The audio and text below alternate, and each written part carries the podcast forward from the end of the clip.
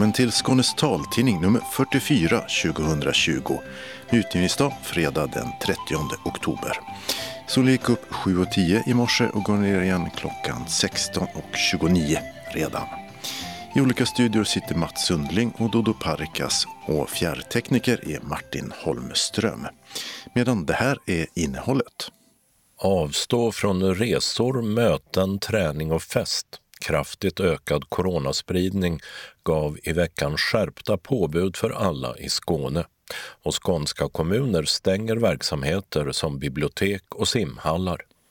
Men inga nya coronarestriktioner i färdtjänsten i Lund, Malmö och hos Skånetrafiken. I Malmös har resandet redan halverats och resenärerna får använda sitt omdöme. I förra veckan slopade regeringen de särskilda coronaråden för 70-plussare och andra riskgrupper. Vi hörde med Malmö stad och ett par läsare om hur de kommer att göra då. Marianne i Ängelholm tänker i alla fall fortsätta att stanna hemma. Synskadades riksförbund står inför en ekonomisk katastrof med stor risk för uppsägningar och minskad aktivitet. Det säger förbundsordföranden om den missade ansökan om statsbidrag. 7 miljoner mindre intäkter gör en skrämmande skillnad och detta är en mycket allvarlig situation. Jag skulle vilja beteckna det som en katastrof för Synskadades riksförbund. Skånska talbokscirklar ställer in och ställer om nu när coronan ställer till. En god nyhet är kanske att frukostflingan Coco Pops nu gjorts tillgänglig för brittiska synskadade med sockersug. Månadens ansikte är Emma Rävås, synskadeaktivisten som nu debuterat som författare och som gärna irriterar seende personer lite grann. Jag händer jämt heter hennes nyutkomna ungdomsbok. Öppnat och stängt på det med pubbar, galoscher och en filmepok. Evenemangstips så med blomsterstyling och kulturhusjubileum. Och så kalendern med Sydnytt, presidentval och bakelser. Anslagstavlan är idag gemensam för hela Skåne med lokala inbjudningar samt ändringar i kollektivtrafiken. Och allra sist redaktionsrutan. Ja, antalet coronasmittade och inlagda har ökat så kraftigt i Skåne på sista tiden att Folkhälsomyndigheten, Smittskydd Skåne och Länsstyrelsen i tisdags gick ut med skärpta påbud. Och det är samma rekommendationer som tidigare införts i Uppsala län. Kvar blir publiktaket på 50 personer för allmänna sammankomster och offentliga tillställningar som kultur och idrott trots att det förra veckan höjdes till 300 för andra delar av landet. Och trots att de särskilda rekommendationerna om att stanna hemma då slopades för 70-plussare och andra riskgrupper.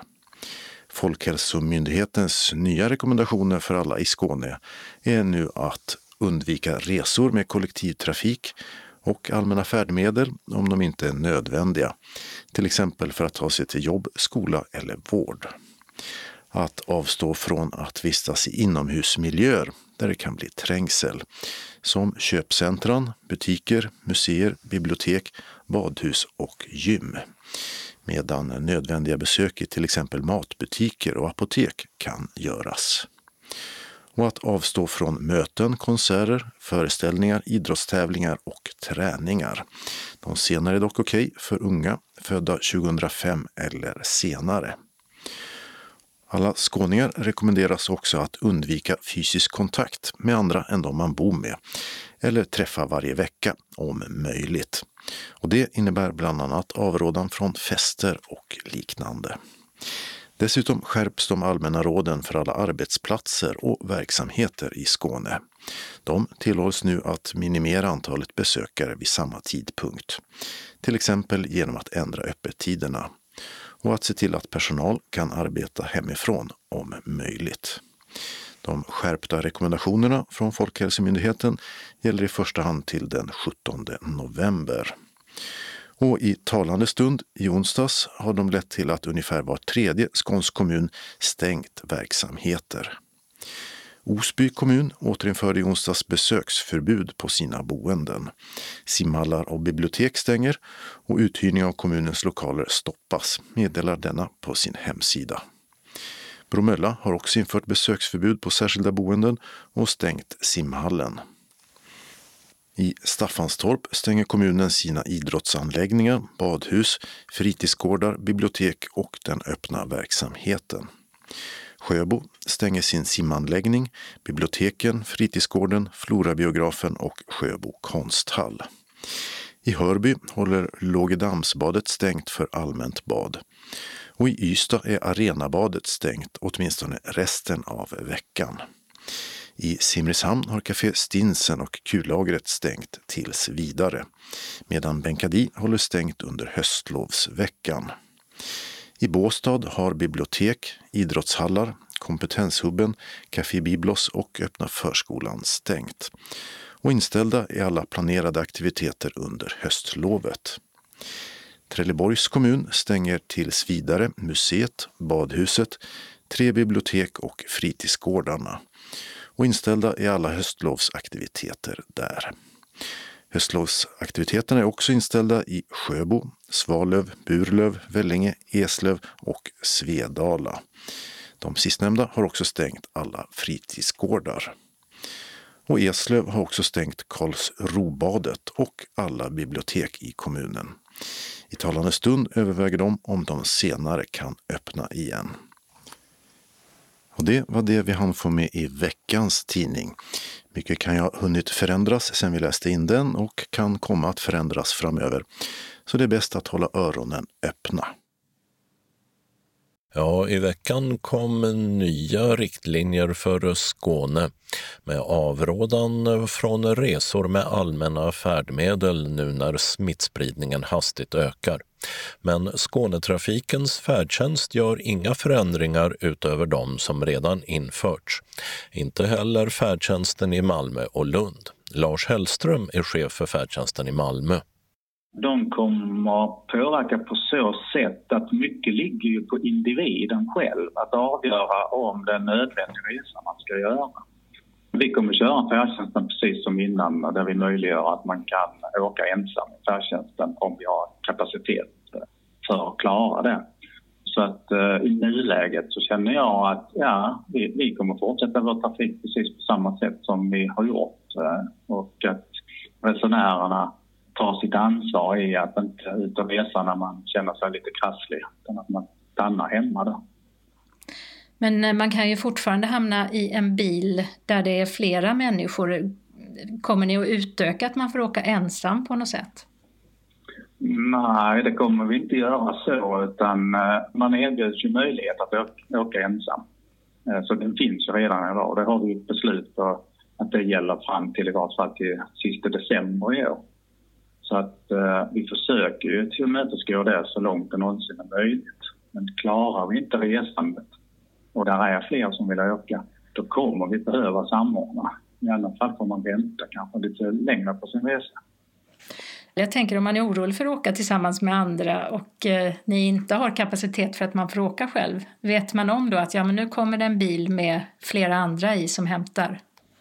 Nej, det kommer man inte alltid att kunna få besked på. För om jag är först på beställare så kan det se ut som att jag är ensam just då. Och sen kan det komma en annan beställning mm. som vi måste lägga ihop.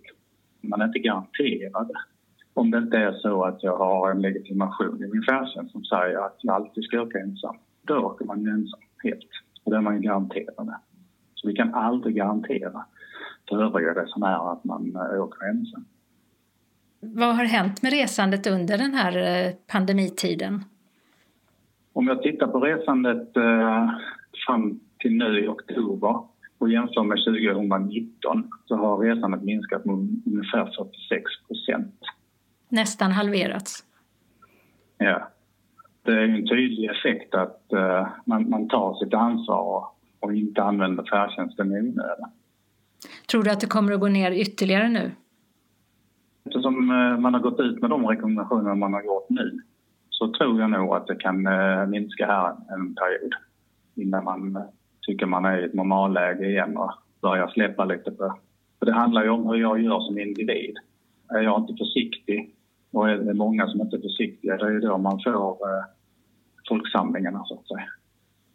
Har du någon uppgift på hur många resor det är som genomförs med en ensamåkare? Huvuddelen av våra resor eh, sker faktiskt eh, som ensamåkning. Vi har en viss samordning lite hårdare på specialformer för där känner vi av en kapacitetsbrist. Det sa Lars Hellström, chef för färdtjänsten i Malmö. Och inte heller i Lunds färdtjänst eller Skånetrafikens, som kör i 25 kommuner, genomför man alltså några förändringar. I Lund kan man sedan tidigare åka ensam i bilen före klockan sju på morgonen och mellan 10 till 14 på vardagar. Under helger erbjuds ensamåkning efter klockan 16. Skånetrafiken erbjuder ensamåkning i färdtjänsten så långt det går och alltid när det gäller sjukresor. Med dem har inte färdtjänstresandet minskat lika mycket som i Malmö. Från 5 500 resor per dygn före pandemin till 4 000 just nu. Reporter här var Åsa Kjellman Erisi.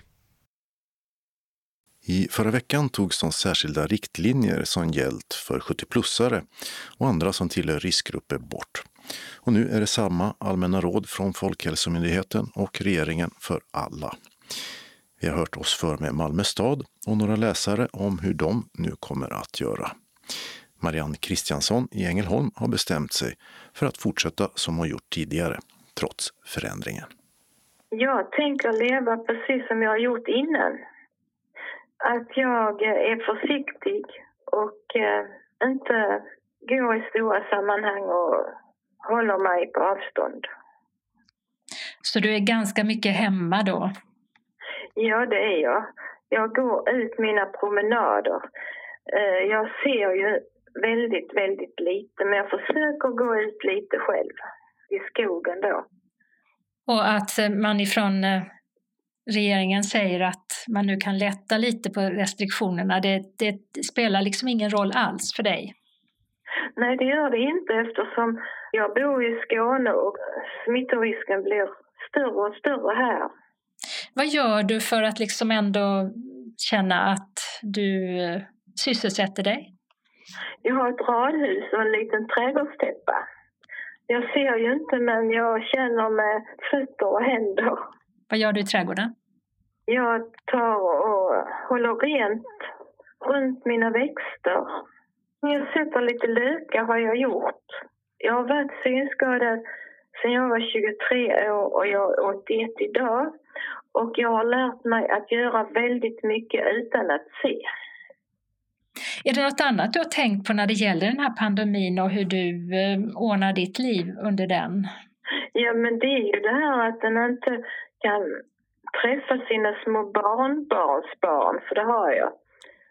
Och det, vi har pratat om att kunna ses, att vi ska gå ut och gå tillsammans. Och då är vi ute. För just det här att man inte kan krama om dem och så känns jättejobbigt. Och att ni träffas nu, vad beror det på? Att vi längtar efter att få träffas. Så det har egentligen inte med de här nya riktlinjerna att göra? Nej, det har det inte. Och Anna-Lena Päckele i SRF Norra Skåne har hört sig för med ett flertal medlemmar där hur de reagerar på de nya riktlinjerna som kom häromveckan. Och en del tycker att det spelar en viss roll medan andra inte förändrar något. Det finns fortfarande en rädsla över att bli smittad de vill ju så gärna träffa sina barn och barnbarn men eh, det är osäkert. Så det gör inte så stor skillnad det här med de nya riktlinjerna? Ja, det är både ja och nej. Eh, en del tyckte det var skönt och eh, en del tyck, hade fortfarande rädsla, så det är både och. Men de som tyckte att det var skönt, vad kunde de tänka sig att göra nu som de inte gjorde tidigare? Träffa sina släktingar och kanske röra sig mer utomhus. Eh, gå till någon affär eh, men inte trängas. Du är ju själv inte i någon av de här grupperna men Förändrar, har du förändrat dig under pandemin? Eh, under pandemin så har jag ju inte varit i stora folksamlingar utan hållit mig på avstånd. Eller rättare sagt, jag har försökt att hålla mig på avstånd även i affärer men det är inte lätt när man inte ser. Men att åka buss och tåg, det har jag undvikit och jag kommer att undvika det. I Malmö är Pia Nilsson enhetschef på hälsa, vård och omsorgsförvaltningen och hon är även koordinator för den ledningsgrupp som samordnar den förvaltningens coronainsatser. Och hon tycker att det är dags nu att alla har samma tydliga regler att hålla sig till i samhället. Nu har vi ju varit och levt i den här pandemin ända sedan i februari-mars. Och eh, de här restriktionerna nu för 70 plus, jag tycker ju det är bra att man öppnar upp med att eh, alla personer måste ta det här stora samhällsansvaret som vi alla har från låg ålder till högre ålder av att verkligen, verkligen hålla avstånd. Inte gå ut och vara i ett sammanhang eller bland andra personer om man har det minsta symptom. Och sen är det basal hygien och tvätta händerna och tvätta händerna. Så målgruppen här nu är jag övertygad om också kommer ta fortsatt ansvar med att man inte går ut kanske på de tidpunkterna när man vet att det är mycket eller stor trängsel. Avståndet är jätteviktigt så att inte viruset kan sprida sig. Rent konkret, kommer någonting att öppnas? Kommer det bli några synbara förändringar för den här gruppen? Eh, nu arbetar vi ju framförallt inom äldreomsorgen. Men i våra verksamheter har vi till exempel mötesplatser för seniorer där vi nu i november månad kommer att öppna upp dessa med väldigt försiktighet och med halverad kvantitet. Och där vi nu under en längre period har säkerställt det här att eh, alla har fått hem brev om information. Återigen att man kommer enbart när man känner sig helt frisk. Eh, möbleringen har också skett så att man kan hålla distans på våra mötesplatser. Så det är väl den verksamheten vi har som är just för eh, seniorer över 70 plus då. Vad är det som har ändrats som gör att man egentligen kan säga att ja, men nu kan ni eh, göra mer saker jämfört med vad ni gjorde tidigare. Ni behöver inte bara sitta inne och så vidare. Jag tror det här med, det är en långvarighet i detta, att vi måste hålla i och hålla ut. Många har varit helt eh, isolerade eller kanske känt sig helt ensamma. Det gör ju också att man måste eh, öppna upp på ett annat sätt. Så huvudorsaken vad jag tror från regering och riksdag och eh, Folkhälsomyndigheten det är just den psykiska hälsan eller hälsan, välbefinnandet har vägt så mycket över att eh, man ändå kanske måste få ha de möjligheterna men under samhällsrestriktionerna som vi har. Hur ser det ut i Malmö nu med smitta? Man har ju hört talas om att det ökar i Skåne. Ja, det är ju så generellt nu att eh, samhällssmittan ökar bland medborgare. Det är framförallt målgruppen unga vuxna. Så att det, det, samhällssmittan har ökat vi har gynnsamma siffror i vår förvaltning. Vi är ändå Sveriges största vård och omsorgsförvaltning med 10-11 000 patienter eller brukare. Och vi har ett 20-tal som har smitta idag i vår stora förvaltning. Så vi gör ju allt ifrån förvaltningens sida med hålla nere, hålla borta, eh, kommunicera om detta och sätta in åtgärder så fort eh, vi vet både förebyggande och tillsammans med eh, både smittskydd och vårdhygien har vi ett väldigt gott samarbete. Så eh, I dagsläget har vi väldigt gynnsamma siffror och jag hoppas innerligt att vi håller detta hela tiden. Håll i, håll ut, håll händerna rena och håll avstånd. Och när du eh, själv är ute i affären eller sådär, hur gör du för att eh, andra ska hålla avstånd till dig? Märker jag att det är någon som vill passera eller gå förbi, då stannar jag upp och släpper förbi den personen. Eller om det är någon person som jag tycker inte kanske håller avståndet, då, då säger jag vänligt eh, men bestämt att det är jätteviktigt att vi håller avstånd, för vi är mitt i en pandemi fortfarande. Och jag kan säga att de flesta gångerna så blir det mer en påminnelse. Ja, visst ja, det är liksom man orkar kanske inte hålla i och hålla ut hela vägen. Vi måste göra detta. Tillbaka till Marianne Kristiansson i Ängelholm. För även om hon är mycket för sig själv så har hon varit iväg på lite utflykter. Bland annat en resa till Småland med sin son och en syntolkad föreställning av Funny Girl på Malmö Opera. Sedan Malmö Opera var ju då Funny Girl som är 50 personer bara. Och det var jättefint tyckte vi. Var du orolig sen när du hade varit där eller kändes det okej okay med avstånd och så? Nej, det kändes helt okej. Okay. Det var väldigt fint uh, genomfört där så att vi kom inte nära någonting. Sa Marianne Kristiansson från Ängelholm. Och innan dess hörde vi Anna-Lena Pekkele i Vittsjö och coronasamordnaren Pia Nilsson från Malmö stad. Och vid ett möte i onsdags efter att intervjun med Pia Nilsson hade gjorts så beslutade man att flytta fram öppnandet av de nio mötesplatserna för seniorer i Malmö till de lokala restriktionerna ändras eller helt tas bort. Reporter var Åsa Kjellman Erisi. Synskadades riksförbund hotas av en ekonomisk katastrof med uppsägningar och minskad verksamhet nästa år. Anledningen är att ansökan om statsbidrag på 7 miljoner skickades in till Socialstyrelsen en dag för sent. Något vi berättat om tidigare. Nu råder anställningsstopp, satsningar uteblir och det är stor risk att personal sägs upp. Det säger SRFs förbundsordförande Håkan Thomsson, för de har inte hittat 7 miljoner kronor någon annanstans. Nej, och eh, jag tror inte vi kommer att hitta 7 miljoner någon annanstans heller.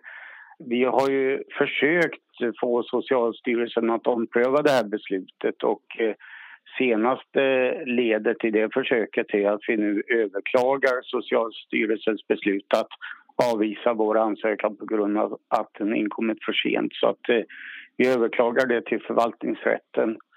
Och hur stor chans det är att förvaltningsrätten ger oss rätt, det kan inte jag bedöma. Men vi eh, gör det försöket nu i alla fall.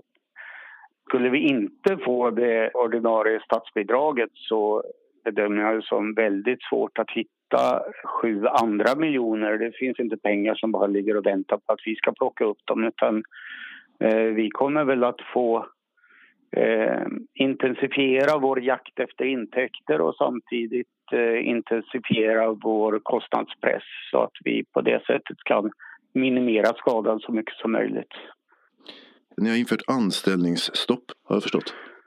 Vi har sagt att vi inte kommer att tills vidare anställa nu helt enkelt.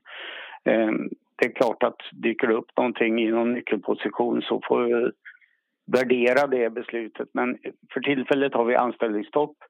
Det var också så att vi är ju glada i hågen drog igång en eh, omorganisation som skulle leda till en förbättrad arbetsmiljö på kansliet vilket dock skulle kosta en del och den måste vi ta om nu för att eh, i det här läget handlar det inte om att utöka kostnaderna för Rikskansliet utan snarare att minska dem. SRFs distrikt, SRF Skåne till exempel och lokalföreningar, kommer de att drabbas av några neddragningar? Alltså att ansökan inte kom in i tid berodde ju på eh, hanteringen på Rikskansliet och vi har därför i förbundsstyrelsen sagt att vi ska i möjligaste mån hålla distrikt och föreningar skadeslösa för det inträffade. Ja, ansökan om statsbidrag skulle ha kommit in till Socialstyrelsen ett datum men kom in en dag för sent. Eh, frågan var hur kunde det hända? Vad vet ni idag? Ja, det borde inte kunnat hänt men det hände ändå. Eh, vår kanslichef eh, har ju i ett internmeddelande uttryckt det som den mänskliga faktorn. Mm. Kommer ni att vidta några åtgärder? Vi eh, har inte satt ner foten där än.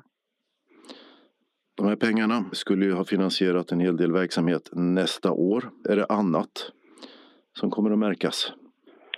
Ja, det är klart att det kommer att märkas. Alltså 7 miljoner mindre intäkter gör en skrämmande skillnad och detta är en mycket allvarlig situation. Jag skulle vilja beteckna det som en katastrof för Synskadades riksförbund. Och, eh, jag har eh, haft en klump i magen ända sedan jag fick veta det inträffade klockan 13 den 16 september. Och, eh, eh, jag tycker fortfarande det här är så obehagligt och menings...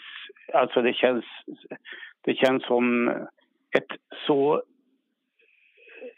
katastrofalt läge så att jag hade aldrig kunnat drömma om att något så här eländigt skulle kunna inträffa. Det låter som det kommer att få uh, återverkningar på vad ni gör nästa år. Vad är det som kan ligga ja, i riskzonen? Ja, nej, nej, men alltså det är klart att det får återverkningar. Utan att uh, föregripa någonting så är det ju stor risk för personalminskningar och det är stor risk att det i sin tur leder till färre aktiviteter på olika sätt. Eh, den totala omfattningen, den bilden har nog ingen just nu. Och fokus ligger fortfarande på att försöka rädda statsbidraget. Vi har dragit igång vissa politiska kontakter. Vi, vi pratar med Socialdepartementet och Socialstyrelsen och ser om det går att på något sätt komma runt det här. Men det ser mörkt ut. Det finns bara en liten ljusstrimma. Men så länge det finns en strimma hopp så ska vi arbeta den vägen framåt så, så långt vi kommer. Det sa Håkan Thomsson, förbundsordförande för Synskadades riksförbund. Reporter Mats Sundling. Talbokscirklar är populära bland synskadade. Men vad gör man när smittfaran sätter krokben för fysiska träffar? På många håll ligger de ofta biblioteksdrivna cirklarna på is. Men det finns andra alternativ. SRF Lundabygden driver en egen cirkel och valde redan i våras att träffas per telefon istället. Birgitta Ekenberg i Lund är en av deltagarna och även om hon hellre skulle träffas i samma rum är hon mycket nöjd. Jo, då går det till så att vi av SRF Lundabygden har fått ett telefonnummer och en kod. Och så ringer vi det den tid och den dag vi har bestämt att vi ska träffas. Tidigare har vi haft det fysiskt och jag har varit med sedan 2008. Och det här är ju ett bra alternativ när ingen av oss vågar åka färdtjänst och, eller kan träffas hemma hos varandra som vi annars gör. Funkar det? Är det så att alla som är med kommer till tals när man sitter i telefon? Det tycker jag. Vi är bara sex stycken. Det tycker jag att alla kommer till tals. Men någonting måste väl ändå gå förlorat när man inte har möjlighet att ses? Ja, det är ju inte lika roligt. Det var ju alltid trevligt att träffas och vi turades ju om att träffas hemma hos varandra. Och den som vi var hos bjöd på mat och det blev en hel del annat prat också klart för vi träffades ju mellan ett och halv fem tror jag det var. Nu så håller vi på ungefär en timme på telefonen. Men det är ändå ett alternativ? Ja, visst är det det. Och vi gjorde inget uppehåll. Det gjorde vi inte för vi tyckte att det var så roligt att prata. Så när det annars eh, har den fysiska bokcirkeln så brukar vi hålla eh, i juli och augusti då vi inte träffas och så börjar igen i september. Men nu har vi kört en gång i månaden hela sommaren sen vi startade med detta. Det tyckte talboksläsaren Birgitta Ekenberg i Lund där den lokala SRF-avdelningens bokcirkel alltså pratar böcker per telefon. I Ystad har stadsbiblioteket valt att avstå helt från sin talbokscirkel för närvarande. Ylva Pettersson som arbetar på biblioteket berättar varför. Vi funderade mycket fram och tillbaka hur vi skulle lösa situationen och vi landade i att vi fick lägga den på is helt enkelt och eh, avvakta bättre tider till att mötas. Just för att vi vet att för våra deltagare så är det det allra viktigaste är just det fysiska mötet, att få sitta nära varandra och, och samtala om böckerna, om, om allt som kommer upp eh, i samband med det. Eh, för att kunna sitta på ett coronasäkrat sätt så behöver man ju sitta med avstånd och man förlorar själva kontakten och det här med att höra varandra också är också en viktig aspekt. Det finns ju en rätt stor förståelse att det inte blir men samtidigt finns det också en saknad. Det har vi förstått av dem vi har mött. Att man saknar sin talbokscirkel och den samvaron som den innebär. Och det gör vi också. För vi har ju haft eh, nästan samma gäng i fem år eller något sånt där. Ja, det känns tomt. När tror du, vågar du tro att ni är igång igen? Ja, vi trodde ju till våren men nu känns det lite osäkert igen. Smittspridningen ökar och fler blir smittade och så. så. Eh, skulle ni kunna göra som eh, Lund, att köra det som ett telefonmöte? Eller är det fysiska som Ylva säger så viktigt att det inte funkar? Jag tror absolut att det är viktigt och att det kan bli ett hinder för dem som är med i, vårt, eh, i vår grupp om vi skulle ha det per telefon. Men jag tycker inte man ska utesluta det helt utan det kan vara värt att prova. Det tyckte Tellebo Salomonsson på Stadsbiblioteket i Ystad. Vi hörde även talbokscirkeldeltagaren Birgitta Ekenberg i Lund. Och vi ska tillägga att talbokscirkeln vid biblioteket i Hör han träffas en gång innan de nya restriktionerna kom. Och att den cirkeln nu är stoppad fram till åtminstone den 17 november. Vid Stadsbiblioteket i Kristianstad planeras en cirkelträff i slutet av november. Om den blir av eller inte är i nuläget oklart, som så mycket annat. Reporter var Dodo Parikas. I Storbritannien ska frukostflingepaket punktmärkas på försök. Det är flingföretaget Kellogg's som i samarbete med den brittiska synskadeorganisationen RNIB märker en del av sina Coco Pops-paket med punktskrift. Dessutom sätts ett speciellt märke på dem som kan läsas av med en smart telefon och appen Navilens. I appen kan man då få information om innehåll, allergener och återvinningsinformation. Om försöket blir lyckat så hoppas man kunna införa märkningen på fler flingpaket. Vi har tidigare berättat här i taltidningen om appen Navilens som också används i kollektivtrafiken i Barcelona bland annat. En länk till det inslaget finns i löpsedeln på vår hemsida så ska vi till Lund för att möta månadens ansikte, Emma Rävås, som våra läsare kanske känner igen som synskadeaktivist och ledamot i SRF Skånes styrelse. Hon ska berätta varför hon inte är det längre. Men framförallt ska det handla om hennes författardebut med ungdomsboken Jag händer jämt som kom ut nyligen. Vi träffade Emma i parken Lundagård utanför en byggnad där universitetets författarskola håller till. Det var också under utbildningen som boken kom till. Hur kunde då en vanlig författarskoledag se ut?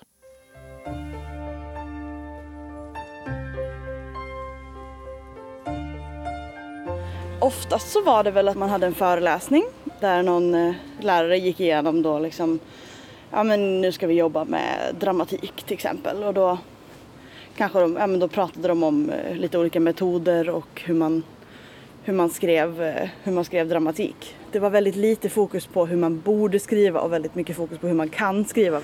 Vad är skillnaden på borde och kan?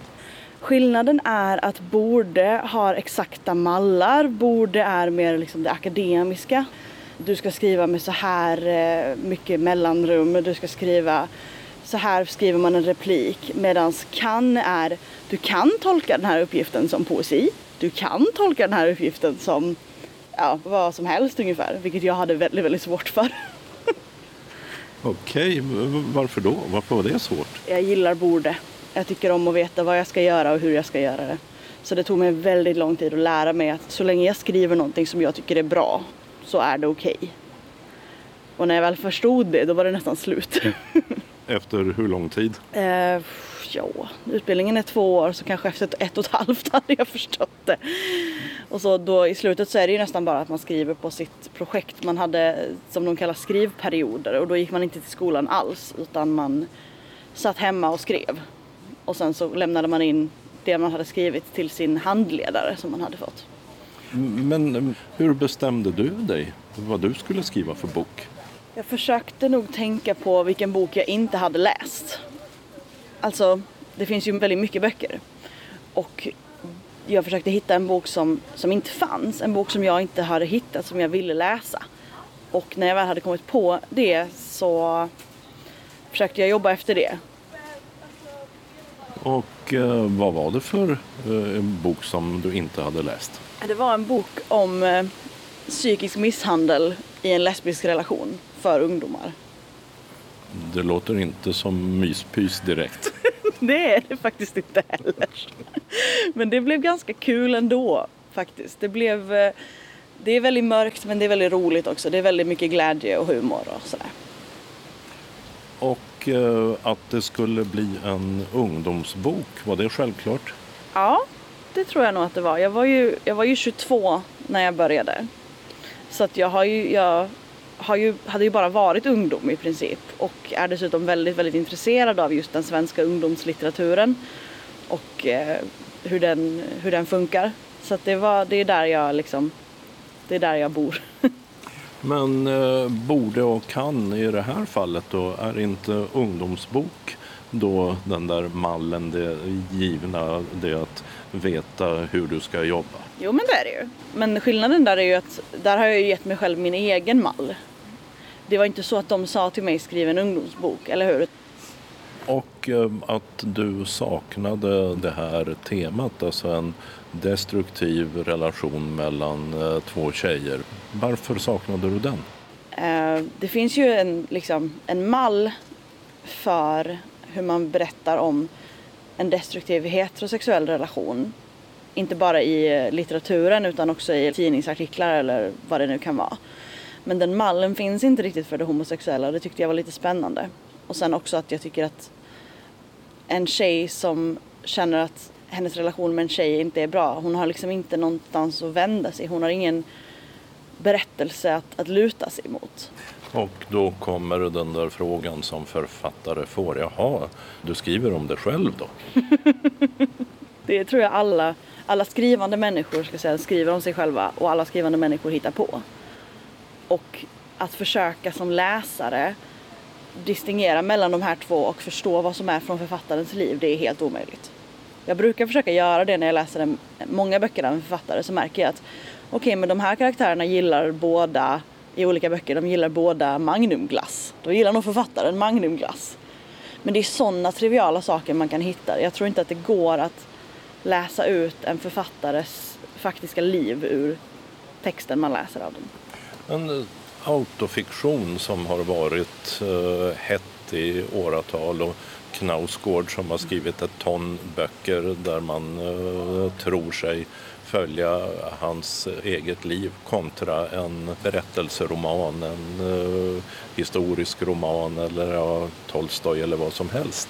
Vad säger du där? Vad föredrar du att läsa? Av Knausgård eller Tolstoj, inget av det. Men jag förstår att det inte var frågan.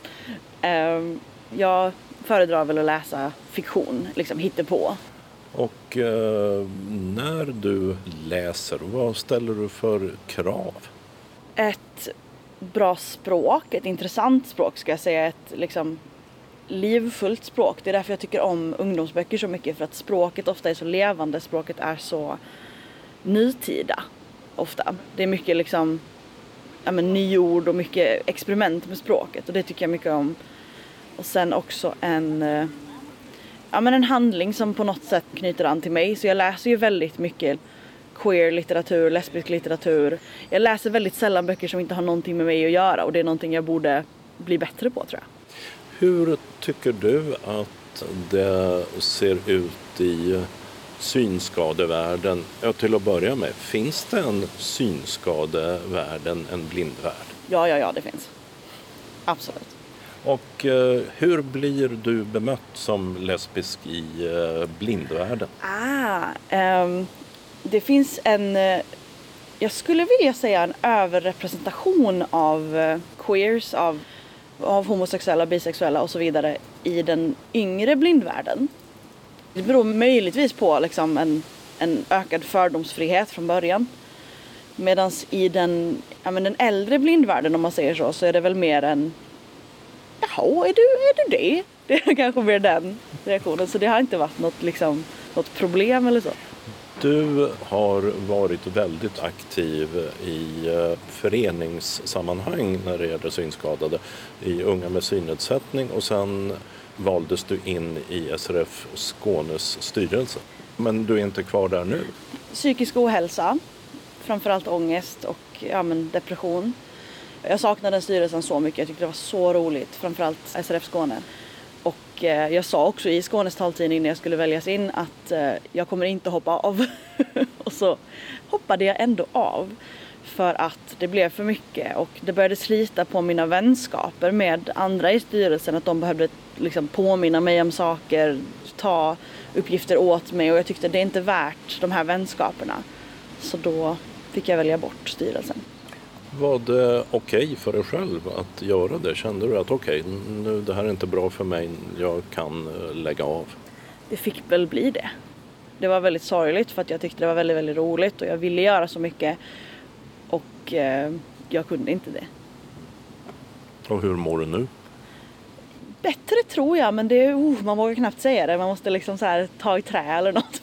det, i min generation, jag är snart 65, så var psykisk ohälsa något man inte pratade om. Hur ser det ut idag för dig? Du säger det ganska självklart här i mikrofonen. Man pratar om det jättemycket. I, I mina kretsar pratar man om det jättemycket. Nästan ibland tror jag att man pratar om det för mycket. Så mycket att man tänker att oj, men den här tjejen som jag pratar med, hon har eh, självskadat, alltså ja, men till exempel skurit sig i armarna. Och det har inte jag gjort. Då är ju inte jag alls psykiskt sjuk. Det kan bli en, en sån konstig... Men eh, det är ju bättre det än att inte prata om det alls. Hur uh, var det när du uh, sa till styrelsen att det är av de här skälen jag inte kan vara med? Fick du förståelse? Ja, jag har för mig att det var mindre förståelse om jag till exempel inte kunde vara med på ett möte på grund av ångest så var det mer att folk bara Ugh, liksom i alla fall no några var lite så men när jag väl sa liksom att nu kan jag inte vara med på grund av de här de här faktorerna då förstod alla.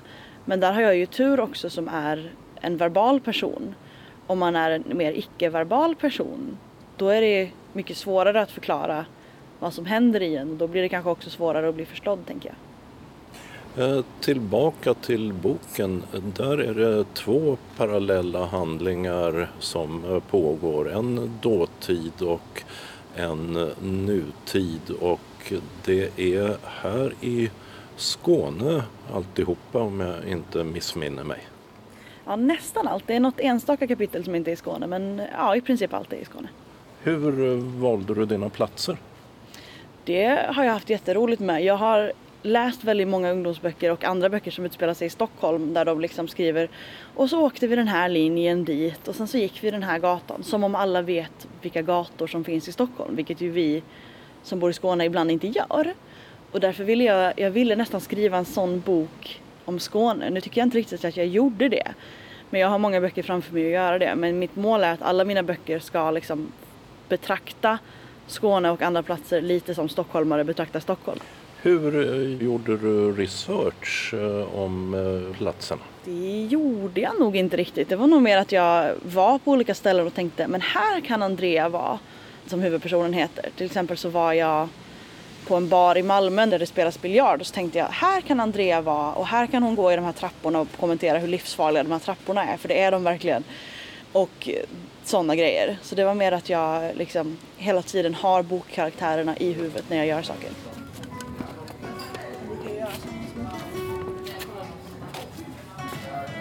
Nu står vi på Café Ariman. Vad gjorde din huvudperson här? Eh, det blir ju en bar på kvällarna här så hon blev väl full tror jag. det blir, hon är på alla möjliga pubbar i stan med sin kompis Simon. Och just här tror jag de dränker Simons sorger över att han har blivit dumpad. Valde du det för att du själv bor hit eller?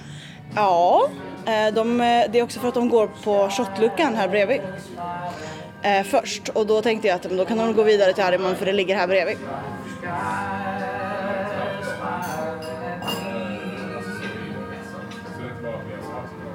Det låter som rätt bra musik att dränka sorger till. Det är förmodligen inte den typen av musik på kvällen dock. Det är väl mer så här party-party då. Jag har ingen minne av att du låter dina personer ha en relation till musik.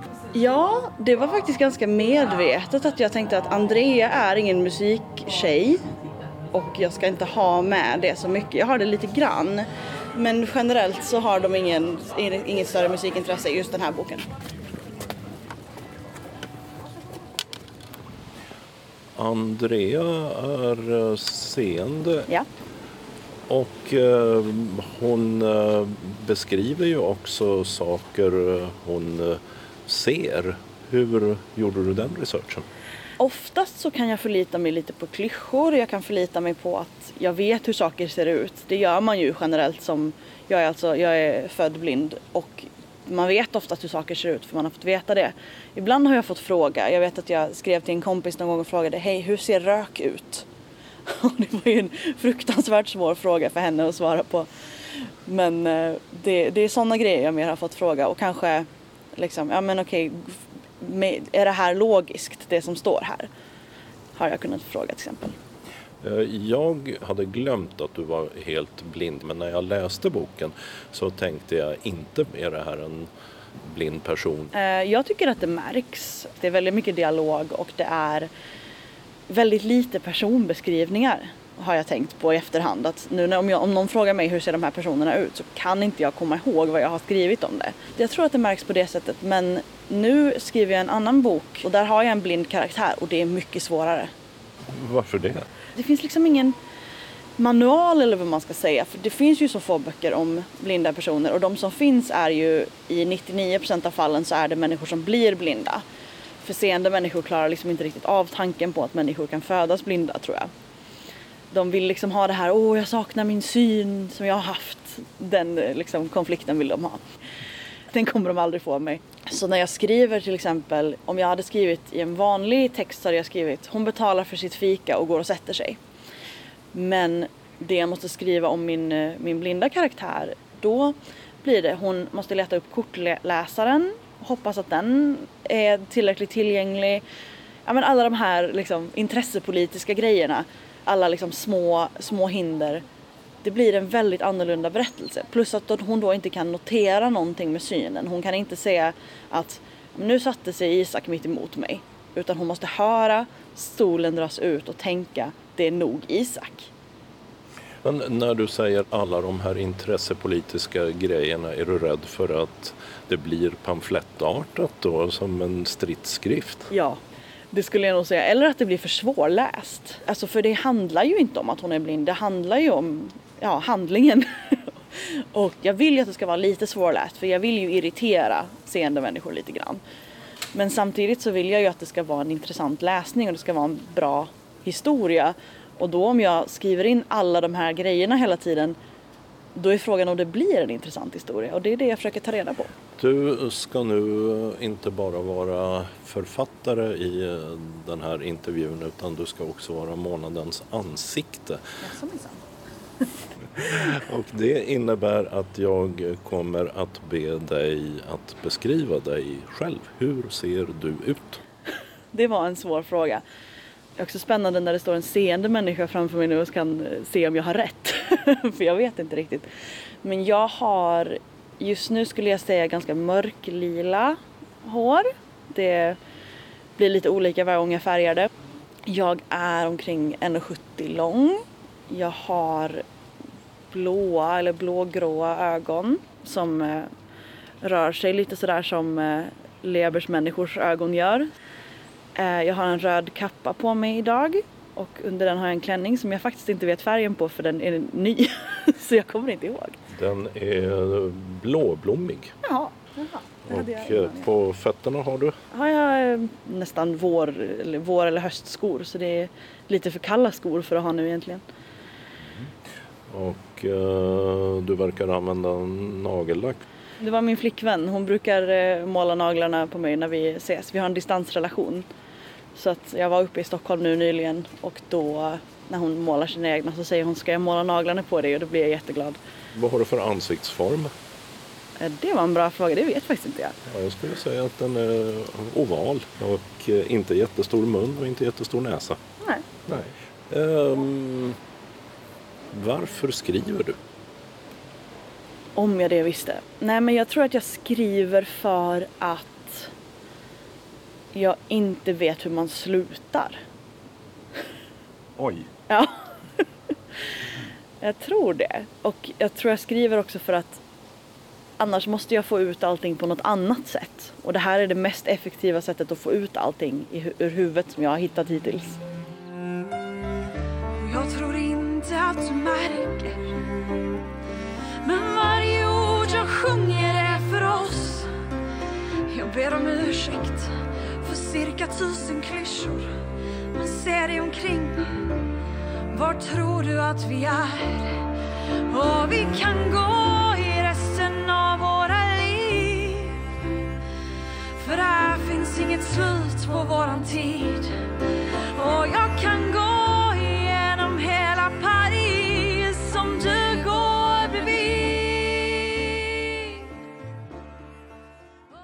Och Emma Rävås som avslutade med sång här. Hon skriver inte bara böcker utan även musik och låttexter. Debutboken Jag händer jämt, utgiven på bokförlaget Rabén och Sjögren, där Astrid Lindgren en gång jobbade.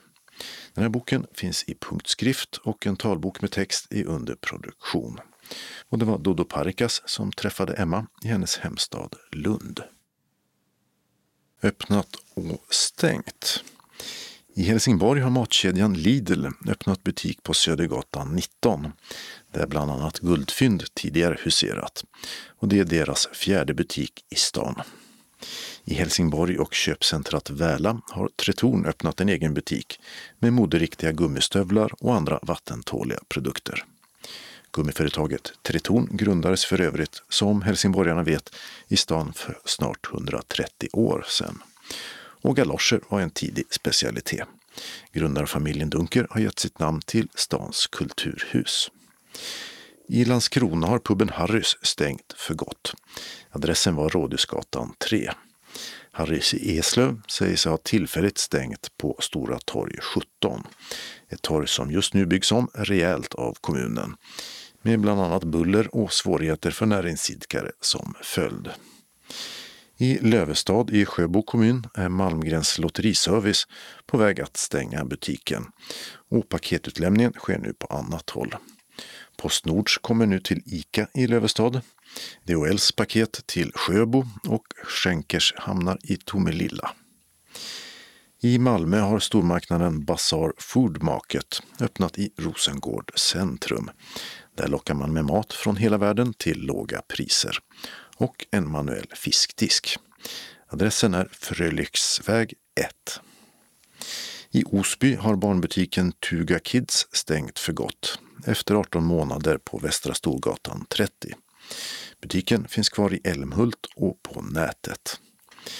I Kristianstad ska Sköna Möbler på Lastageplatsen 5 läggas ner efter den pågående rean i butiken. I Glimåkra har en upptäcktsväg för barn invigts. Den heter Trollstigen och går mellan Trollarinken och Trollabadet. Och på söndag den 1 november slutar Hemmakväll som är den sista stora videobutikskedjan i Sverige att hyra ut film. Istället ska man satsa på godis. Företaget motiverar det med att de stora filmbolagen slutat distribuera film för uthyrning och att diverse filmtjänster på nätet tagit över marknaden. Videouthyrningen slog igenom i Sverige på 80-talet, först på VHS-kassett och sen på DVD.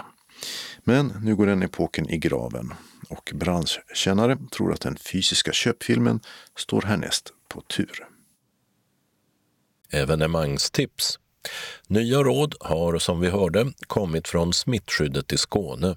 Den som vill besöka något av evenemangen som listas i följande tips bör därför kontakta arrangören för information om eventuellt inställt program, antal besökare, smittskyddsåtgärder och annat man kan undra över. Vi börjar med syntolkad bio. Det gäller en ny dokumentär om tonårsgrabben Jonathan Leander Håstad som gjorde en fenomenal internationell rapkarriär under namnet Young Lean, ivrigt påhejad av världsnamn som Justin Bieber. Bara för att så småningom hamna i en psykos.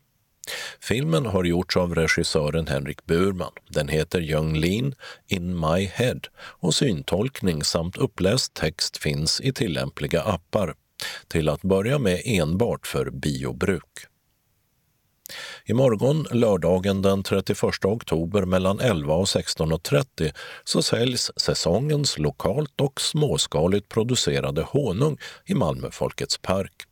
Det är nämligen skördefest i det så kallade Folkets orangeri i den stora lokalen till höger precis innanför huvudentrén. En byggnad som tidigare både varit trädgårdscafé på bostadsutställningen Bo 01 i Västra hamnen och inhyst Cuba Café.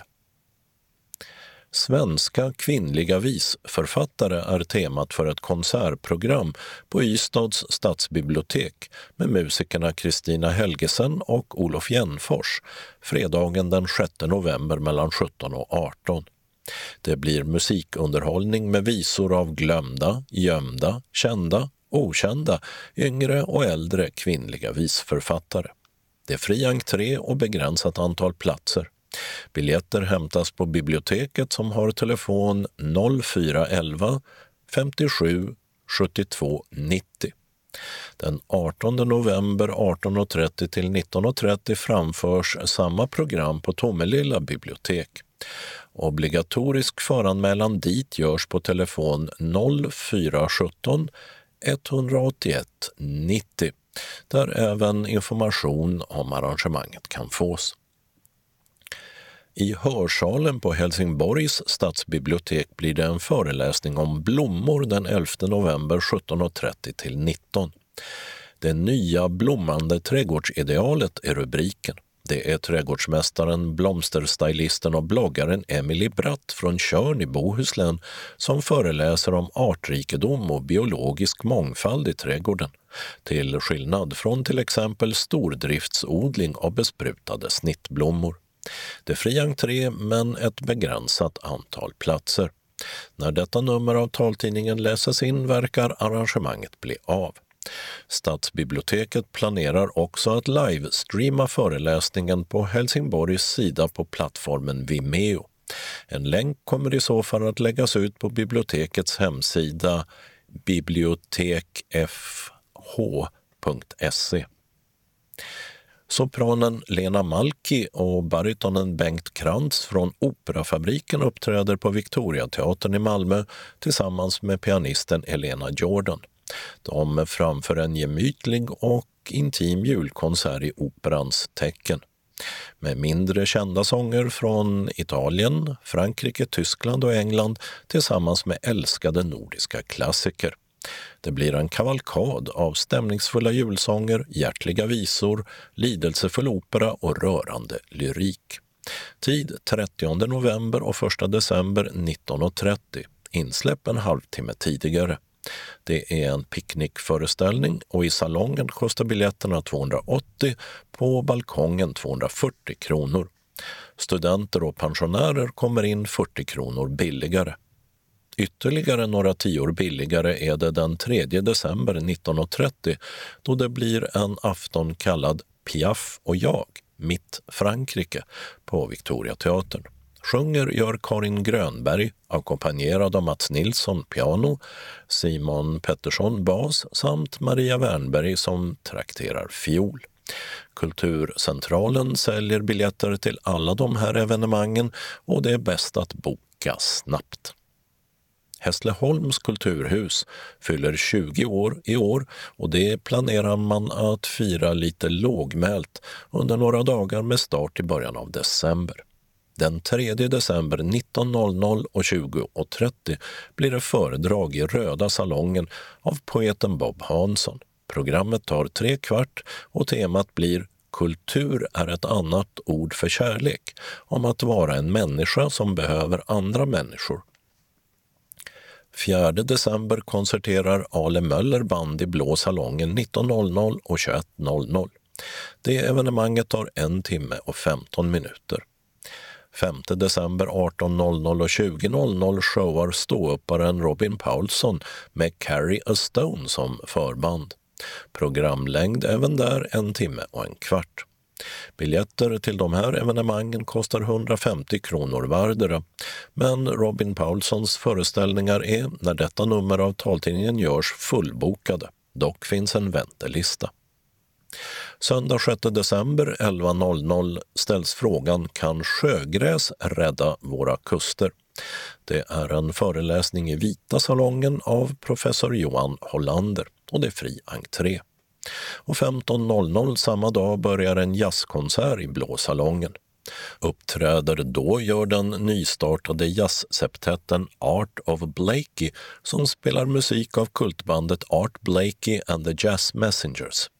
Detta kostar 50 kronor. Till alla evenemang utom föreläsningen är det förhandsköp i Kulturhusets biljettkassa. Landskronas kulturpristagare 2015 hette Ali Abdallah, journalist och författare bördig från Syrien, numera kommunikatör på Länsstyrelsen. Den 8 december mellan 19.15 och 20.30 är Ali Abdallah gäst under en författarkväll på biblioteksfilialen Masten 2 i Västra hamnen i Malmö. Under sitt besök berättar Ali om möjligheter och skillnader mellan att arbeta som författare och journalist i Syrien och i Sverige. Det är fri entré. Adressen är Mastgränd 4 intill ICA Maxi. Telefonnummer dit 040 660 85 35. Ystadsrevyn, som skulle haft premiär den 13 januari på Ystads teater, har bestämt sig för att ställa in och istället återkomma 2022. Detta förstås med hänvisning till ett ökande antal smittade under den pågående pandemin. Biljettinformation Hässleholms kulturhus, telefon 0451 26 66 70. Kulturcentralen 040 10 30 20. Malmö Live och konserthus 040 34 35 00. Kalendern för 2020 års 45 vecka tar sin början måndagen den 2 november och det är Tobias som har namnsdag då. Det första regionala nyhetsprogrammet i svensk television såg dagens ljus detta datum för 50 år sedan. Den 2 november 1970 premiärsändes nämligen Sydnytt i dåvarande TV2. I studion satt Bo Sigheden med manusbunt i handen och en telefon bredvid sig. Första nyheten var just att Sydnytt nu fanns i etern följt bland annat av en villabrand i Malmö och bristande effektivitet i den skånska sjukvården som teman. För 130 år sedan föddes Helga Maria Svarts i Östergötland. Som Moa Martinsson skulle hon gå till historien som en av Sveriges mest framträdande arbetar eller proletärförfattare. Kvinnor och äppelträd samt Mor gifter sig hör till hennes mest kända böcker. Den senare utgör första delen av tre i en självbiografisk serie. Och för den som vill ta del av Moa Martinsons bokproduktion finns mycket att välja på, både som talböcker och i punktskrift. Tisdagen den 3 november går USA så till presidentval där det ska avgöras om republikanernas Trump eller demokraternas Biden ska leda landet fyra år framöver. Vad som faktiskt kommer att hända om den sittande presidenten inte erkänner en eventuell valförlust, det står skrivet i stjärnorna. Och här hemma har Hubert och Hugo namnsdag. Onsdagen den 4 november är det Sverker som är namnsdagsbarn. Detta datum år 1950 undertecknades Europakonventionen i Rom. Det fullständiga namnet är Europeiska konventionen om skydd för de mänskliga rättigheterna och de grundläggande friheterna, vilket också väl sammanfattar vad det handlar om, Ur funktionsnedsättningsperspektiv är det viktigt att Europadomstolen kan ta hänsyn till funktionsrättskonventionen i sin tillämpning av Europakonventionen. Torsdagen den 5 november är det Eugenia och Eugen som har namnsdag. Och i bland annat England är detta Guy Fawkes dag. År 1605 planerades ett katolskt attentat mot det brittiska parlamentet i London. Fawkes vaktade sprängämnena som placerades i källaren under överhuset. Kuppmakarna avslöjades och än idag skjuts fyrverkerier och Fawkes-avbilder bränns på bål till åminnelse av händelsen. Själv dömdes han till hängning men hoppade från schavotten, bröt nacken och dog av det istället. Fawkes stiliserade anlete har i nutid hamnat på så kallade Anonymous-masker, symbol bland annat för nätaktivister och hackare med civilt motstånd på agendan. Fredagen den 6 november har Gustav Adolf namnsdag och för den bakelsesugna brukar konditorier, i den mån de inte ersatts av moderna kaffebarer, sälja Gustav Adolfs bakelser. Till skillnad från till exempel prinsesstårtor saknar den bakelsen ett fast recept. Enda gemensamma nämnare brukar vara kungens anlete i chokladprofil ovanpå bakverket. Och den svenska kung som avses dog i det dimmiga Lützen detta datum 1632 under 30-åriga kriget.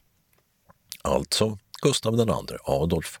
Flaggdag är det både i Sverige och Finland där detta kallas svenska dagen. Sedan 2015 är det dock inte Gustav Adolf som har namnsdag i den finlandssvenska almanackan utan Svea. Väl så svenskt det med. Lördagen den 7 november firas Ingegärd och Ingela, den dagens namnsdagsbarn.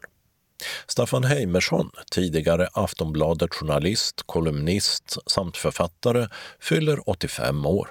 Efter att Heimersson kritiserat metoo-kampanjen om sexuella trakasserier mot kvinnor avslutades hans långa medarbetarskap i Aftonbladet häromåret.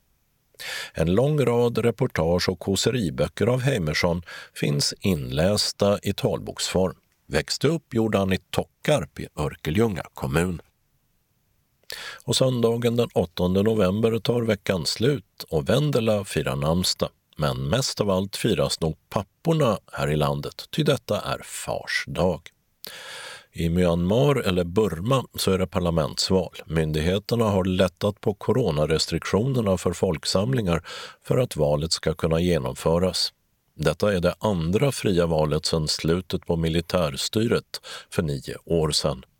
Kritiker av valsystemet understryker dock dels att militären fortfarande utser en fjärdedel av parlamentsledamöterna, dels att systemet inte ger landets många etniska minoritetsgrupper tillräcklig representation. Anslagstavlan är idag gemensam för hela Skåne och innehåller bara lokala meddelanden och några ändringar i kollektivtrafiken. Först kallar Synskadades förening Kristianstad-Bromölla sina medlemmar till föreningsmöte med Gåsa middag. Lördag den 7 november klockan 14 till 19 på Harastorps gästabud på Åbyvägen 300 i Färlöv.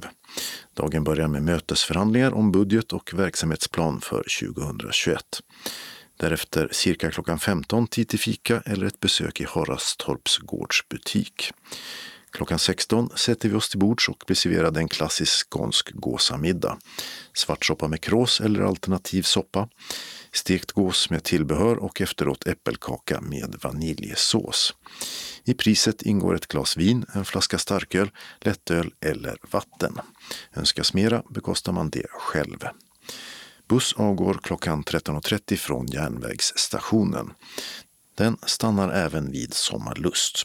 Vid tillräckligt många anmälda, det vill säga fem från Bromölla, kommer bussen att utgå därifrån. Tid och plats meddelas senare. Priset för detta är 200 kronor som inbetalas på bankgironummer 899-9245 vid anmälan senast söndag den 1 november till TINA. Telefon 070-635 41 14. Anmäl önskemål om resa och vilken typ av soppa som du vill ha. Även eventuell matallergi. Varmt välkomna till en god skånsk måltid och vår gemensamma planering för 2021. SRF Lundabygden bjuder in till kulturafton onsdag den 18 november. Då väntar teprovning med Andreas Vidén mellan klockan 18 och 21. Välkommen in från höstmörkret och njut av en varm kopp te. Du får prova några olika sorter som Andreas berättar om. Och vi serverar läckra scones och en kaka. Detta i föreningslokalen på Tordönsvägen 4i på Klostergården i Lund. Din avgift blir 50 kronor och anmälan behöver vi ha senast den 11 november. Hjärtligt välkomna! SRF Lundabygden får sedan besök av Seniorshop fredag den 20 november klockan 13. Missa inte chansen att få koll på modet och möjligheten att förnya din garderob. Carita kommer till föreningslokalen och visar upp årets höst och vintermode. Och du får också möjlighet att prova kläderna i lugn och ro och samtidigt få Caritas proffsiga råd och tips om vad som passar just dig. På grund av rådande pandemi är antalet deltagare begränsat till 15 personer. Så boka in ert deltagande så fort som möjligt. Carita tar emot max två personer i taget och hon använder både handsprit samt munskydd och visir om så önskas. Vi serverar en läcker sallad samt kaffe och en kaka.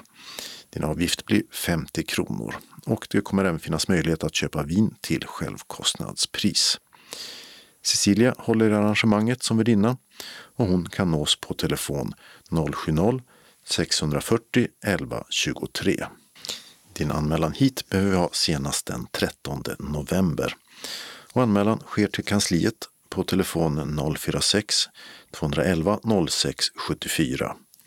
Eller så e-postar du till srfkansli.lundabygden snabelabredband.net. Hjärtligt välkommen! SRF Malmö Svedala välkomnar till sin dagverksamhet. Måndag den 2 november blir det tidningsläsning och frågesport mellan klockan 13 och 15. Tisdag den 3 november, samma klockslag, blir det bingo och onsdag den 4 november klockan 12.30 till 16 blir det kanasta. Vi serverar kaffe och en smörgås eller kaka till en kostnad av 10 kronor. Och vi vill att alla anmäler sig till kansliet. Telefon 040-25 05 40 om man tänker komma på någon av dagaktiviteterna. Senast klockan 10 samma dag. Känner man sig sjuk så stannar man hemma. SRF Malmö Svedala har också en hälsning till er som beställt 2021 års almanacka. De finns på SRF Malmös kansli för avhämtning. Det medföljer ett inbetalningskort men det går också bra att swisha till nummer 123 077 8050. Vänligen ring till kansliet innan du hämtar din almanacka. Hälsar just kansliet. SRF Norra Skåne hälsar välkommen till en trevlig fredagskväll på restaurang Alexej. Fredagen den 13 november klockan 18. Adressen är Bäckhagsvägen 2 i Hässleholm. Observera att adressen vid utskicket hade en bokstav fel. Detta är den rätta adressen. Föreningen bjuder på varmrätt plus dryck. Alkoholhaltiga drycker betalar ni själva. Ni kan välja på kött, fisk eller vegetariskt. Ledsagarantalet är begränsat, men den som behöver ledsagning får räkna med att den personen kan få hjälpa andra. Senast anmälningsdag är fredag den 6 november till Anna-Lena Pekkile. Telefon 0451 231 01 eller mobil 070 36 00 647 eller via e-post till anna-lena.packila P-A-K-K-I-L-A snabel telia.com. Hjärtligt välkomna önskar styrelsen. SRF Västra Skåne inbjuder alla medlemmar i Helsingborg, Höganäs, Landskrona och Svalöv till månadsmöte. Tisdag den 10 november klockan 14. Sista anmälningsdag är fredag den 6 november klockan 12 till kansliet. Telefon 042 15 83 93 eller e-posta till srfvastraskane snabel srf.nu. Månadsmötet kommer äga rum som en telefonkonferens med särskilt telefonnummer och deltagarkod, vilka erhålls vid anmälan. Skynda dig att anmäla ditt intresse då antalet platser är begränsat till 27. Välkomna! SRF Västra Skåne meddelar också att det är dags att beställa almanacka för 2021. Almanackan är i A5-format med text och siffror i svart färg och helgdagarnas datum i vit text mot röd ruta. Priset är 100 kronor. På framsidan kan du få ditt namn. Fram och baksida är plastad. Beställ via kansliet. Om du inte kan hämta din almanacka kan vi skicka den till dig med inbetalningskort och portokostnad medtagen. Det hälsar kansliet. Vi rundar av med ett antal ändringar i kollektivtrafiken. Och vi börjar med att konstatera att samtidigt som skåningarna avråds från att åka kollektivt har Skånetrafiken lovat att utöka trafiken under den stundande allhelgonahelgen. Bland annat ska nattrafiken på lördag förstärkas med till exempel bussar som står i reserv i Helsingborg. Och SJ ska från mitten av november sätta in fler helgtåg på sträckan mellan Malmö och Stockholm. Bägge företagen har fått kritik för trängsel bland passagerarna. Den som tänkt sig turista i Danmark den närmsta tiden lär få tänka om. I lördags stängde den danska regeringen åter gränsen för alla skåningar som inte jobbar där eller har andra godtagbara skäl, som en kärste i landet. Likt tidigare motiveras det med att coronasmittan är för utbredd i bland annat Skåne. Samtidigt kan ju tilläggas att även Danmark ser en kraftigt ökad smittspridning. Gränskontroller är att vänta och Sundsbussarna som går mellan Helsingborg och Helsingör har ställt in trafiken. Däremot går det fortfarande att ta sig till Kastrup om man ska flyga därifrån. Eller transitresa med tåg, buss eller bil till Tyskland om man till exempel kan visa att man bokat hotell där. I Lund har man börjat bygga nya busshållplatser vid Fjäljevägen, vilket fram till den 18 december stänger några av Stadsbuss 4s gamla hållplatser. Hållplatsen Måsvägen läge B är stängd och istället hänvisas resenärerna till hållplatsen Måsens vårdcentral, läge A, som ligger cirka 225 meter österut på Fjäljevägen.